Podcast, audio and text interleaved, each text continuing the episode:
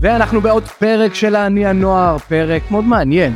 יש פה מישהי נורא מעניינת, שיש לי העונג לעבוד איתה ולעשות את הדברים יפים, ואני מקווה שבחצי שעה הקרובה תפתחי לנו איזשהו צוהר לעולם שלך. וואה. שאלתי אותך מקודם על מה נדבר וזה, ואמרת על כל מה שמגניב. כי מי שלא רואה אותנו דרך אגב, בתור אדם מבוגר, שרואה מישהי כמוך, אומר איזה מגניבה. כי את מגניבה. חיים של... את מגיעה לפה, כי הרבה שומעים אותנו, הם לא רואים, אני אתאר. את מגיעה לפה ככה עם כל הקעקועים והשיער הצבוע כחול ירוק ואת מהממת וכל הפירסינג והכל וכאילו את את בהגדרה מישהי מגניבה נכון? אה, אני מקווה, אני מקווה. אני- מרגישה יותר badass. ממך. כן אני אחר, מה ההבדל בין badass למגניבה?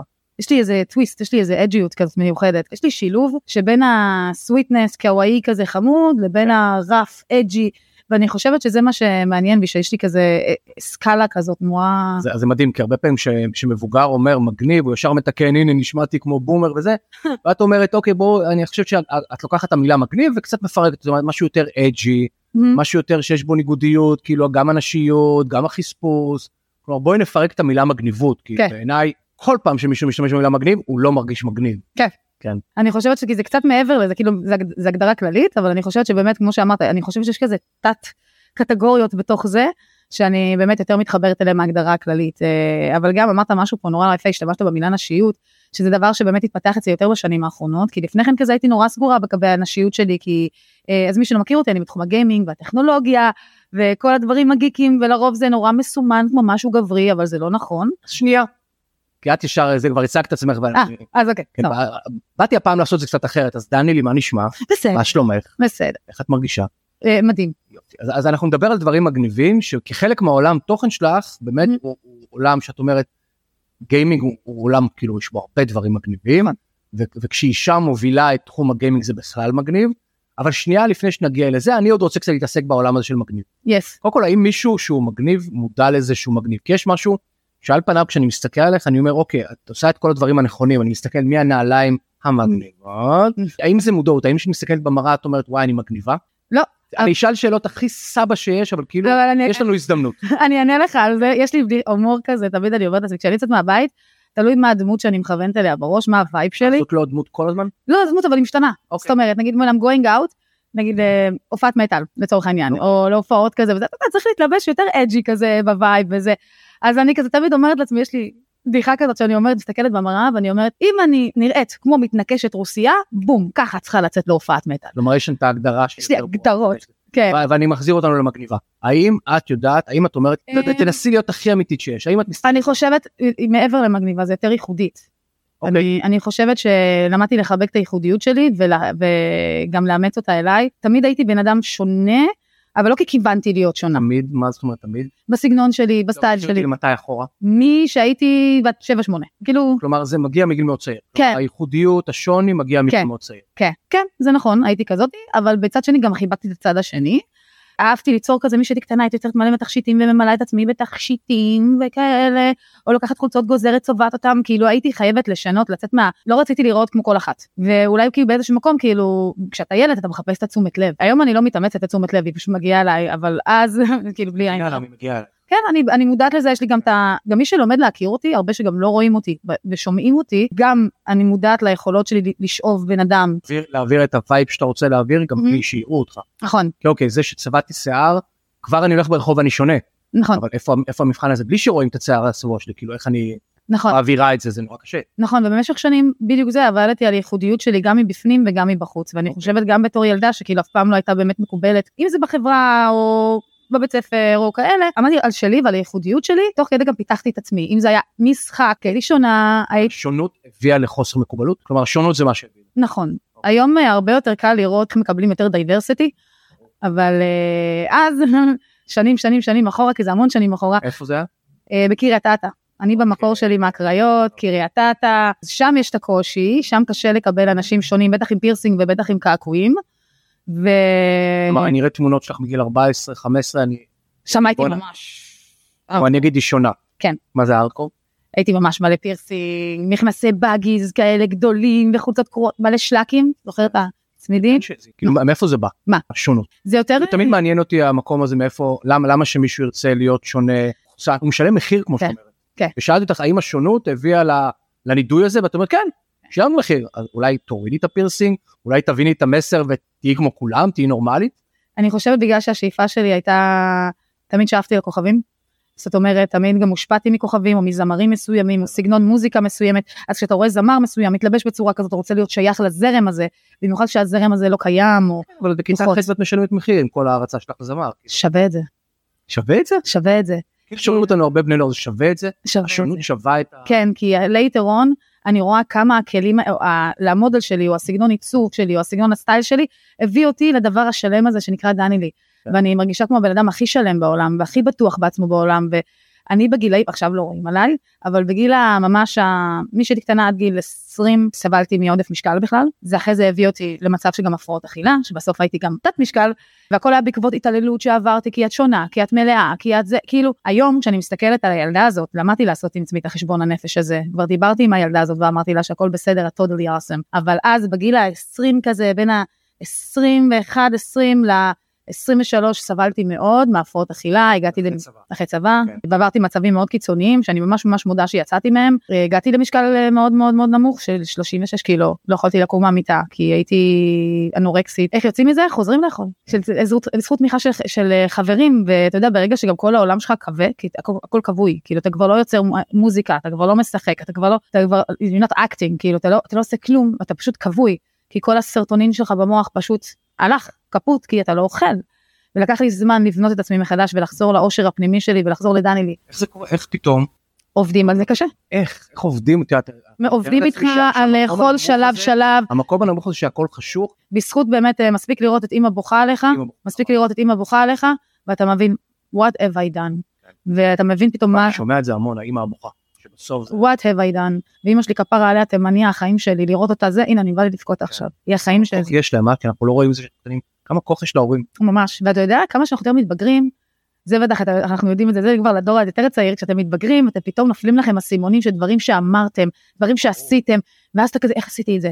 איך אמרתי את זה? וכל פעם כשיש לי כזה, גם אם זה אמצע הלילה, אני מתקשרת לי עם האמא, את זוכרת שאמרת? אני אוהבת אותך, סליחה, וואי. לא התכוונתי. וזה היופי גם בלהתבגר, למה אני כזה, אני I'm embracing את, את ההתבגרות שלי ואת ההתפתחות שלי ואת כל האבולוציה שלי, ולקח לי זמן לקבל את השוני שלי, וזה שאני, תמיד גרמו לי להרגיש רע עם זה שאני אוהבת סגנון לבוש מסוים, וזה שאני אוהבת להגזים, אני לא מגזימה, אני פשוט מקושטת, אני אוהבת לקשט, החיים יפים, כאילו, כאילו, כאילו השוני הזה, מה, מה, מה אני רוצה להבין אותו עלייך? יש שוני שהוא שוני שכאילו, סתם, אני, אני נורא מזדהה עם מה שאת אומרת כהומו, Mm. את יודעת, אבל השוני הזה, תמיד הרגשתי שאני לא יכול לשנות אותו, אני יכול להסתיר אותו. כן. גם אם היו לי רגעים שאמרתי, למה, איך אני משנה, לא יכולתי. אבל כאילו השוני שלך, ואני בטוח שתקני אותי עכשיו, הוא שוני, אני לא רוצה לעצבן אותך, הוא שוני מבחירה. כי בסוף זה בחירה לצבוע שיער, ובחירה לעשות קעקוע, ובחירה, את יודעת, משהו ב, ב, בנראות הוא בחירה. כאילו, כאילו אני קצת מקנא בך שאת יכולה מחר לא לצבוע את השיער, ואז לחזור להיות רגילה. אני לא יכולה, יש לי קעקועים. כן, הקעקועים, הקעקועים זה באמת משהו שזה. זה, זה הקטע.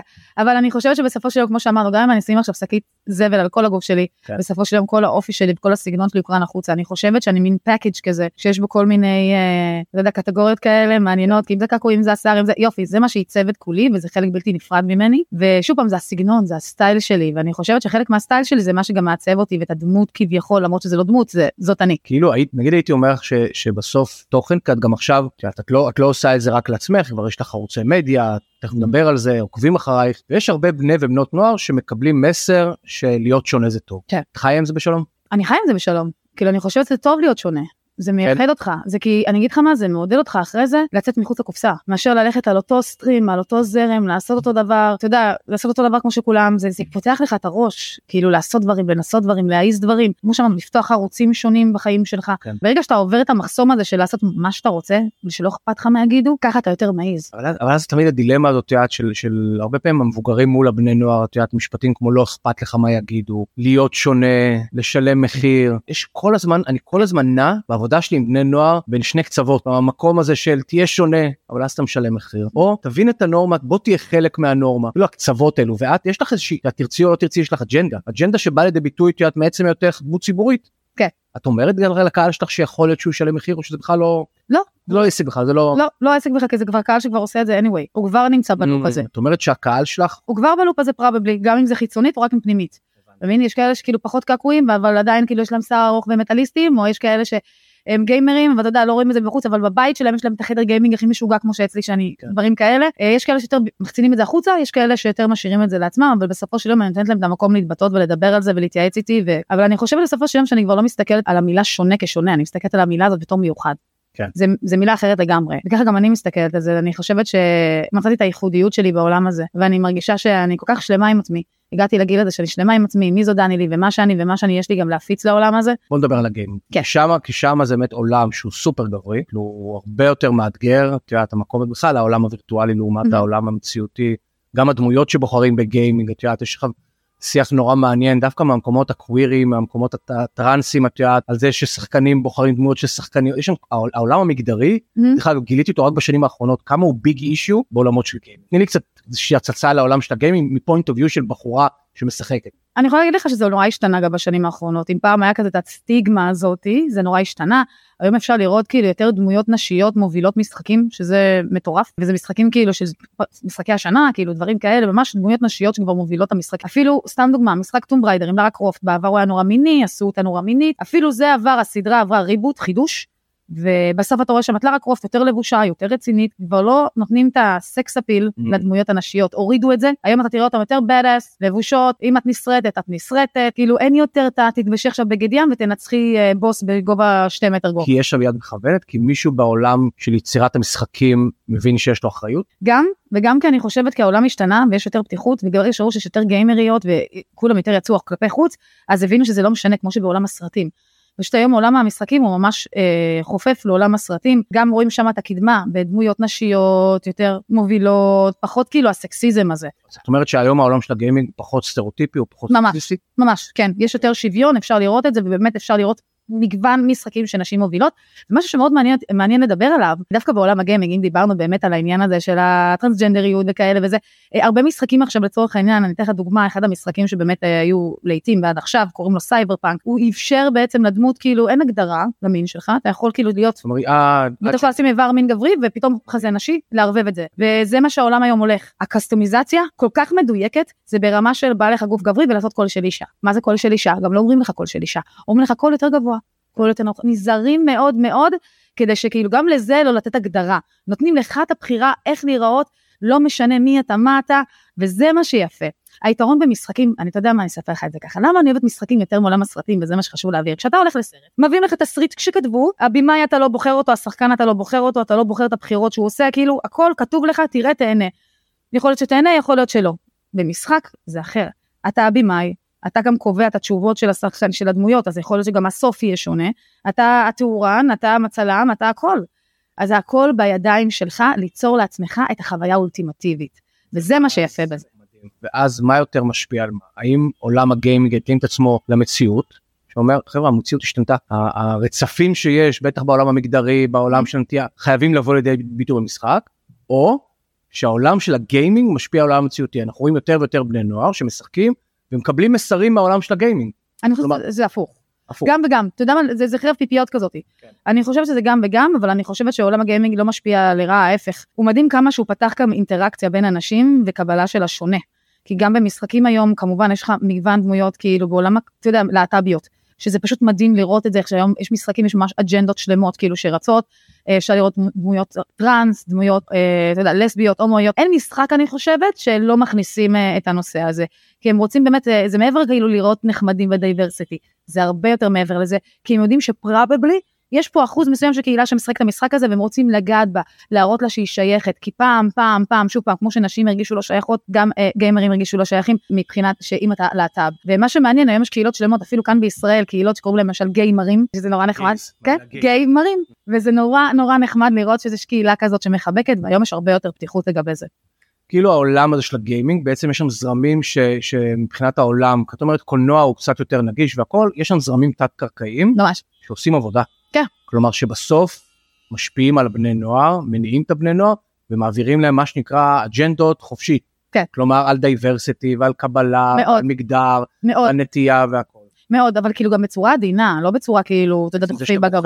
כאילו תבחר את הדמות שלך זה כבר את יודעת איזושהי אמירה. כן, וכמעט כל משחק יש לך דמות שיש לה מערכת יחסית, כאילו יכול להיות שזה אם זה גבר עם גבר או אישה עם אישה, היום גם נותנים במשחקים לצורך העניין יש חברה שקוראים לה יוביסופט, יש משחק שקוראים לו אסאסנס קריד, ובאמת במשחקים האחרונים יכולת כאילו, אם בא לך, אם זה בסדר להגיד לשכב, אבל אתה יכול לשכב עם מה? גבר או אישה או מה שאתה רוצה, כן. מה שבחירת, אנחנו לא קובעים לך, אתה תבחר איזה דמות, מה בא לך, כדי, כדי באמת להרגיש חופשי, ולא להרגיש גם בתוך משחק, במיוחד למי שכאילו באמת בקהילה, שלהרגיש מחויב, אוקיי, אני בתור גבר צריך עכשיו להיות עם גבר, לא, אני כאילו, צריך להיות עם אישה, סליחה, אז כאילו, אתה יכול לעשות מה שאתה רוצה. זה מרתק אני אגיד לך למה זה מרתק כי אני חושב שהרבה פעמים כשמדברים בתקשורת על גיימינג מסתכלים על זה מפריזמה נורא צרה תמיד זה אותה כתבה שאומרת האם היום בני הנוער יותר אלימים כי המשחקים יותר אלימים.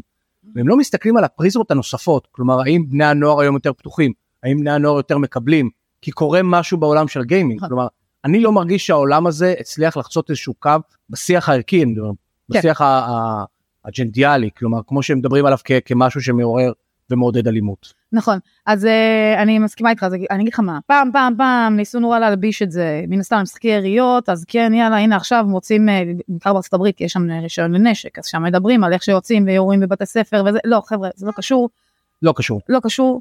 Uh, ההפך דווקא בגלל שיש להם את המקום הזה אז אם יש להם זעם או כאלה לא משנה מה זה המקום לפרוק אחרי זה זה לא זה לא מתבטא החוצה מה שקורה בעולם המשחקים נשאר בעולם המשחקים תהיו בטוחים גם זה לא אותו דבר הם מבינים את זה זה באמת זה מוח מובן זה כמו למשל אתה יודע מי שמשחק GTA זה לא מעט שהוא רץ ברחובות שודד כל היום וגונב מוניות לא דווקא בגלל שזה מקום של להגשים פנטזיות אבל זה לא פנטזיות זה יותר להיות טרול זה יותר כאילו בוא ננסה לגנוב בנק בשביל הצחוקים כי אתה כן. כי זה לא משהו שבאמת תעשה אז מה אכפת לך במשחק כן לעשות כי זה לא אמיתי. בעולם אמיתי הם לא יעשו אבל, דבר. אבל אז אבל אז יבואו אלו שיגידו הגבולות מטשטשים.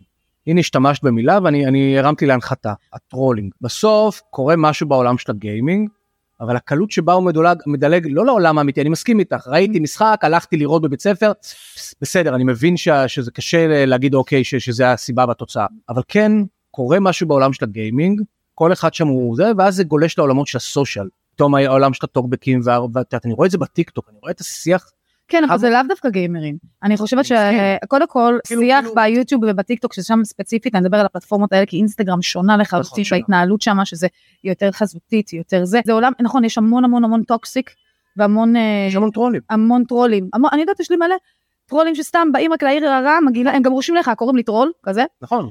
אה, אבל זה, זה ה fun שלהם, זה אנשים ששוב פעם, זה לא קשור לגיימינג, זה קשור פשוט לאנשים שנמצאים ב social media, הרבה מזה מתבטא דווקא בצפייה של אה, יוטיוב, סתם דוגמה, לצפות ביוטיוברים כאלה שאין להם פילטרים, שאני אגיד לך מה, אני גדלתי בערוץ, עם ערוץ הילדים, עם מנחים שמדברים מפרומטר, שיש ש- רגולציה. הכל מסודר, אין מילה, אין זה. היום ילדים, יש להם by demand, נכנסים ליוטיובר XYZ, ואתה יודע איך זה עוד, הם יושבים עם תחתונים פה מאחורה, אמא צועקת, הוא מקלל, פשוט לא מצליח לשמוע בצליל של הדברים שלך אם זה טוב או רע. זה רע, כי אין אה. פילטרים. אין אה. פילטרים, לנו היה פילטרים, עכשיו בגלל שכל העולם הוא בלי פילטרים, אז הם בטח שבוחרים באיזה יוטיובר אחד שבדיוק עולה ל live, סתם דוגמה עולה ל live, מתחיל לקלל, מתחיל זה, זה נגיד, עכשיו אני מבולבל. אני חושבת, כי עולם הגיימינג על פניו לפי התפיסה שלי הוא עולם בלי פילטרים. הוא כל כך בלי פילטרים שאתה יכול לעצב ואתה יכול להיות מה שאתה רוצה. כן. ואז את אומרת אני גדלתי עם ערוץ הילדים שם היה רגולציה שם היה פילטרים וטוב שהיה פילטרים. אבל כאילו, פה לא- מדברת על יצירת תוכן, על, על ההשפעה שלי, אני מדברת זה לא קשור לגיימינג, אני מדברת בכללי, כל יוטיובר זה יכול להיות בורס של אוכל, לא דיברתי על גיימינג, פה ספציפית נתתי דוגמה. אבל יש להם יוצרי תוכן, היום ילדים לא רואים ערוצים רשמיים, הדבר היחידי שהם רואים אולי זה אח גדול, מה שהם רואים היום זה ברשת, באינטרנט, ביוטיוב, שזה אפשר לראות הרבה יוצרי תוכן, לצורך העניין שלפעמים מראים תכנים לא לגיל הנכון, נותנים אתגרים לא לעניין, כמו שהיה אז הם איזה אתגר הם להכניס מישהו לאוטו באמצע החור. אבל אז אומרים זה לא אחריות שלי. את יודעת אני יוצר תוכן אני לא פונה לבני שמונה זה שבן שמונה ההורים נכון. שלו איבדו שליטה ולא נותן. נכון, אז פה זה כבר תלוי בהורים. שוב פעם, היום אתה יכול לראות, היום כל פלטפורמה, גם בעולם המשחקים, דרך אגב, יש לך parental control. כאילו יש לך אה, שליטה של הורים, ורוב ההורים מסמנים, הכל בסדר, גם שעות משחק, ברמה כן. של, בנינטנדו סוויץ', ההורים יכולים לנעול מרחוק את הקונסולה, נגיד עברת שעה, פיק, נעול. מדהים. הכל מסודר, דווקא ההפך. ביוטיוב יותר, זה כבר קשה הרבה יותר לשלוט, בגלל זה היום יוטיוב גם מגבילה תכנים, אומר טוב זה תכנים לילדים, זה תכנים לזה, ומה שיפה לראות בטיקטוק, שהם עושים את זה נורא יפה, הם עובדים מאוד קשה על זה, זה לראות איך הם מבדילים את התכנים בין הנוער, איך הם לא חושפים את הנוער לתכנים של יותר בוגרים, כן. בגלל שפה, בגלל באמת אלגוריתם שמזהה את השפה, מילים וכאלה. עכשיו שאנחנו עושים את השיחה הזאת ושומעים אותנו כל מיני יוטיוברים בני 18 שעושים אתגרים ומגניבים הם בעצם קצת מסתכלים עלינו פתאום אליי שזה בסדר ואלייך הבחורה המגניבה קצת כבומרים שאומרים אומרים, חברים אוקיי זה קצת שיח טרחני כלומר להגיד התכנים שלנו עם התחתונים מאחורה ואין להם אין להם רגולציה ואין להם קונטרול וזה כאילו יכול להיות שאנחנו מפספסים משהו יכול להיות שאנחנו אנחנו קצת מסתכלים על זה בעיניים זקנות לא, לא. כי יש דברים שפשוט לא, שהם גבול הטעם הטוב. יש אתגרים מי קובע את הגבול של הטעם הטוב כשמישהו כמעט מת. כלומר גבול הטעם הטוב שברגע שזה סכנת חיים. כן. ואני אבל מקודם שאתה דוגמה דווקא עם התחתונים מאחורה וזה, הוא לא היה סכנת חיים. לא, אבל כשאתה מקלל ובטח מדבר, קללות, והם יודעים שיש להם קהל של ילדים, כלומר יודעים. הם יודעים. זה ה... זה. שוב פעם, זה, זה לא כולם. ואני מדברת גם על, בכללי, כי היום זה, אני לא מדברת רק על גיימרים, אני מדברת על בכללי, על כל. יוצא, בדיוק, על כל יוצרי התוכן, כי ראיתי דברים, יש כאילו, שמקבלים לגיטימציה, ויש, כאלה, אתה יודע, עכשיו ילדים נמשכים לדברים שאסור. ברור. אז ברגע שהם יודעים ש... קליק לדברים שזה, בדיוק, אז לא, ברגע שהם לדברים רואים. שמישהו מקלל, שיערוץ לו בשידור וילמדו ממנו. ולנו לא היה, אני יודעת שלי לא היה את זה, הדבר הכי גס שהיה לי, זה היה, אה, לא יודע איך קראו לזה, משהו בערוץ ביפ, ומדי פעם הייתי רואה את זה עם טל ברמן כן, את מרגישה, אבל אני מרגיש כאילו את מדברת מתוך איזושהי אחריות. כן. כאילו את שייכת לאיזושהי קהילה של יוצרים, של יוטיוברים, של של גיימר, וכאילו יש לך קצת איזו אחריות של מבוגר אחראי. סוג של וגם לא בדיוק. אולי בגלל שאני מפחדת שהעולם בגלל שוב פעם בסופו של דבר אני יוצרת תוכן ברשת. אם זה גם בפלטפורמה באתר IGN אם זה בערוצים שלי אם זה זה.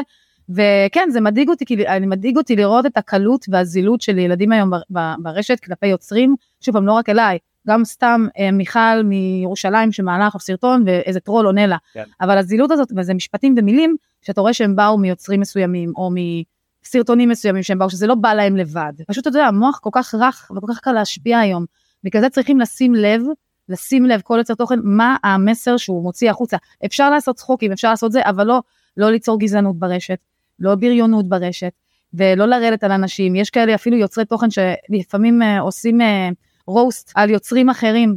לא. נכון, זה כל מה שמעניין אותם.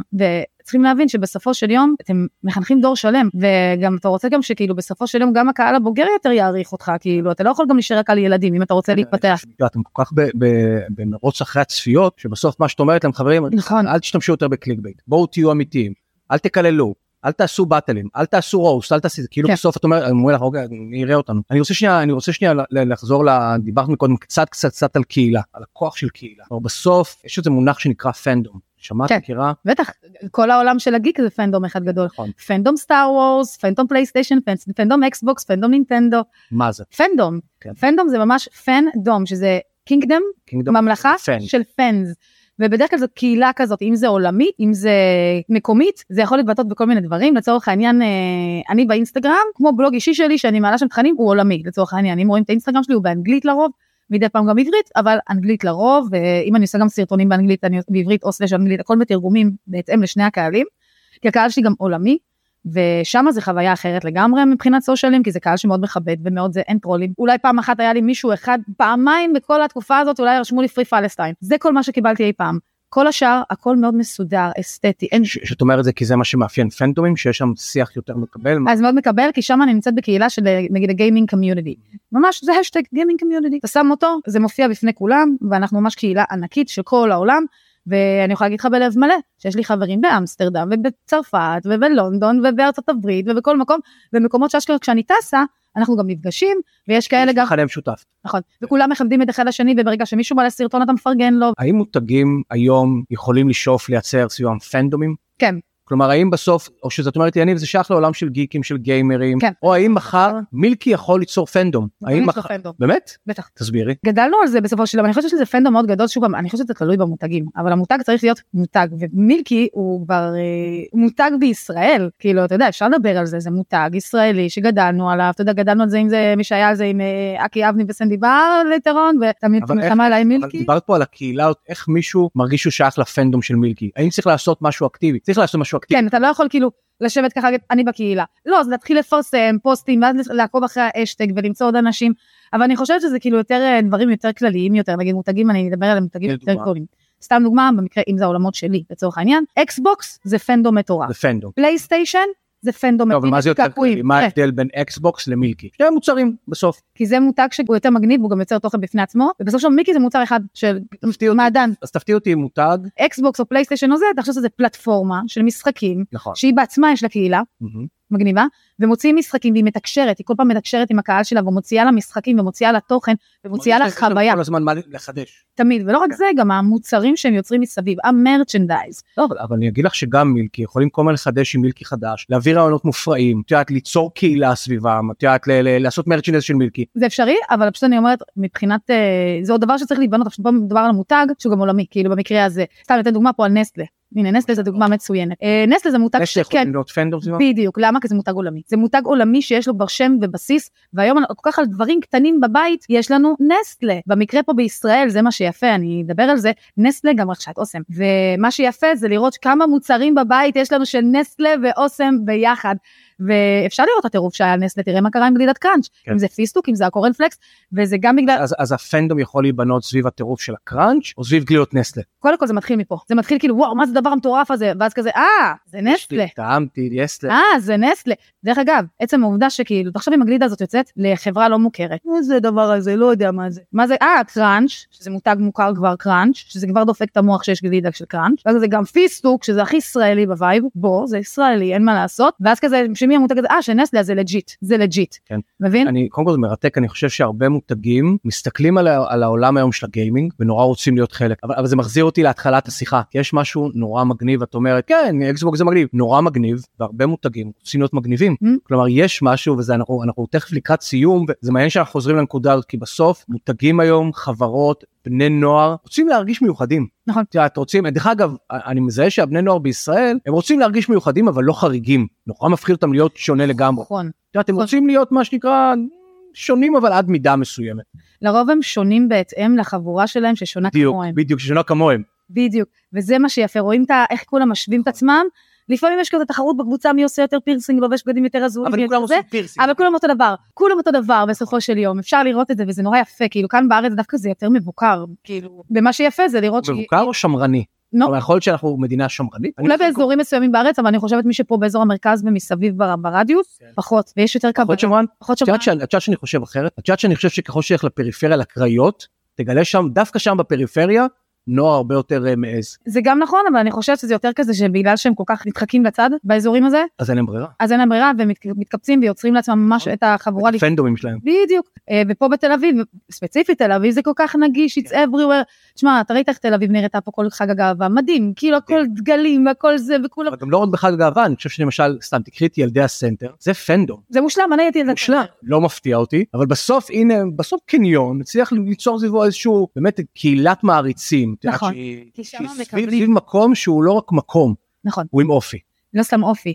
אה, חשוב לציין משהו לגבי דיזנגוף סנטר, שזה בשנ- בשנים האחרונות, בארבע שנים האחרונות, המקום הפך לפשוט אה, המקה של הגיקים, ואני אגיד את זה גם למה, זה לא כבר רק ה alternative style, שזה כולם עם פירסינג וכאלה וזה, ממש גם לחנון עם גיקים, ולמה זה? נפתחו מגוון חנויות, שפשוט זה היה החלום שלי כשהייתי קטנה, אני יכולה להגיד לך, שם חנות של נינטנדו, ויש שם חנות של לגו, שם, של החנויות שם הייתה קריטית. בכוונה, הם בחרו, הם כי הם יודעים שכל הגיקים שם, יש שם אה, חנויות קומיקס, יש שם אה, חמש חנויות אנימה, עד אין סוף, חנו- שתי חנויות משחקים, חנות של תמונות, חנות של זה, והכל לגיקים, הכל לזה, יש שם חנות ממש לתכשיטים גיקים, אה, של אנימה וכאלה, אני יכולה להגיד לך, ילד מסתובב, יער הפיות, ילד מסתובב שם, באמת היום, ילד של היום, שהיום כל כך אה, מכיר את כל עולם האנימציה והקומיקס ומרוויל וזה, זה פשוט גן עדן בשבילו, כי כל חנות מדברת אליו, היום זה כבר לא יכול להיות בגדים, ואז אם אני חוזר למה שאמרת על נסטלה, יכול להיות שאם נסטלה רוצים להיות מגניבים, הם צריכים למשל לחבור לעולם של קומיקס, לחבור לעולם של נכון. אקסבוק, לעשות חיבורים. נכון, הנה כבר עכשיו אפשר לראות שהם באמת, אה, אני אעשה כזה פלאג אם אפשר על נסטלה, הם בדיוק עובדים עכשיו על, אה, מוציאים משיקים עכשיו גלידה חדשה שנקראת Cool Challenge, חברים שווה לכם לתפוס אותה כי באמת הם הוציאו מספר מוגבל של הגלידות האלה, מה מיוחד בגלידות האלה? הן ממש מדברות לעולם של היום, זה גלידה שבעצם יש בה challenge שהוא במעשה טוב, אוקיי? ואז אתה כאילו הם לקחו את הכיוון של ה challengeים לצורך העניין לכיוון טוב, והם בדיוק עכשיו עושים אה, מין שיתוף פעולה עם הוט סינמה, אה, ביחד בהקרנות של הפלאש וסרטים כאלה, אז כאילו הם מגיעים ממש ללב של הילדים וזה בדיוק המקום. כל הסרטים של מארוול ודיסי וזה, שאלו אלו מותגים שיש בהם פנדום. בדיוק, ממש גדולים. אם אני, אם אני צריך לסכם, כאילו הפרק שלנו, שאלתי אותך בהתחלה מה, על מה הפרק יהיה, כאילו קצת הלך לעולם, כי- בסוף הפודקאסט מדבר על להניע נוער, וכשמדברים על להניע נוער, את יודעת, אין מה לעשות, כולם רוצים להיות מגניבים. נכון. כולם רוצים להיות מגניבים. אני חושב שהצלחנו בשיחה טיפה לפרק את המקום הזה של להיות מגניב. המקום הזה של מה זה, מה זה מגניבות, מה זה להיות יוניק, איזה מחיר אתה משלם, כאילו כמה אתה מוכן לשלם את המחיר הזה, איך הוא בא לידי ביטוי, את אומרת, את אמרת פה משהו מאוד, לא מספיק צבע שיער. גם אם תשמע את הקול שלי בטלפון, אתה תבין את ה vibe. כלומר, המקום הזה שהוא בא ממקום פנימי. ואז הלכנו למקום שבעיניי הוא מעניין, כאילו הקהילות סביב מותגים שיש להם את היכולת המגנטית הזאת, מהמם. ואיך מותגים אחרים יכולים להתחבר לעולמות מגניבים, כדי שבעצמם אולי יהיו קצת יותר מגניבים, נכון. שזה אתגר אדיר. זה אתגר, זה, זה אתגר מאוד גדול, אבל המזל שבאמת היום אנחנו נמצאים בעידן אה, הרבה יותר פתוח והרבה יותר ליברלי, וגם בזכות הסושיאל מדיה לטובה ולרעה, זה גם לטובתנו וגם לרעתנו, עזוב את הטרולים וזה, יש לנו פלטפורמות להתבטאות, ופלטפורמות למצוא חברים, ולמצוא עוד אנשים כמונו, או שונים מאיתנו, נהדר. או באותם... בדיוק. זה המזל. כי הילדה בקריית, בקריות שהיא הייתה שונה, אבל יכול להיות שאם היום היה לה אה, אה, רשת חברתית, היא הייתה מוצא, מוצאת עוד שונות כמוה שאוהבות גיימינג, והיא הייתה מוצאת את הקהילה שלה. נכון, נכון, אני יכולה להגיד לך שהיה לי מאוד קשה למצוא בנות בגיימינג בגילאים שלי שם? או בנות אלטרנטיביות יותר מדי בסגנון שלי, היה, אבל לא הרבה, ובזכות אז הפלטפורמות שלה, זה היה שוקס, או הייד פארק. או גם פייסבוק התחיל לאט לאט, אבל זה בעיקר המקומות של הפורומים, שם אני- התחילו להיבנות קהילות, וזה מה שיפה עכשיו לראות בסושיאלים את הקהילות שנבנות דרך אשטגים, כי ככה בסופו של יום זה מופיע לך אם זה מופיע לך ב-for you, או מופיע לך בפיד. היה לי מרתק. כן? ממש, ממש, ממש, הנה, ניסיתי להיות מגניב אצלי, ממש. אתה תמיד מגניב. אני תמיד מגניב. אתה תמיד. מגניב, אתה כן, תמיד מגניב, אני לא. חושבת שאתם מבינים כמה הוא מגניב, אתם לא מבינים מסכים כמה. אז תמיד כיף לי איתך. בעצם כן, זה שאנחנו דיברנו עכשיו אני כבר מרגיש. זהו, מי שרוצה לראות אותנו יכול להיכנס ליוטיוב של טינק, או בכלל בכל הרשתות, ואנחנו נהיה בטיקטוק, רק מעוררת השראה ותמשיכי ואת גם מעוררת השראה וגם חלוצה וגם פורצת דרך וגם בתחומים שבהם את יודעת לא obvious שבנות יובילו, תמשיכי להוביל. Thank you so much וגם חשב לי לתת פה איזה פלאג מגניב חבר'ה תצטרפו לקהילה של טינג הטינקרים תראו אותנו גם שם אנחנו נביא לכם תכנים מגניבים ועוד בשאר הקהילות המגניבות שלנו שיש לנו מלא, כאן מלא. בהחלט. מלא, כי אנחנו באמת לוקחים השראה מהעולמות של הפנדום, כי זה חשוב, זה יכול מאוד הקטע שאתם גם עושים את זה נכון ובגלל זה אני באה אליך בתור דניאלי הקטנה שלא היה לה את זה אז אני מודה לך בשביל הדור הזה. יש להם מקום יש להם מקום. אז תודה רבה שהייתם איתי, ואתם כמובן מוזמנים להמשיך ולעקוב אחרי הפודקאסט לעני הנוער בכל הפלטפורמות האפשריות, ולעקוב אחריי בפייסבוק, באינסטגרם או בלינקדאין. תודה.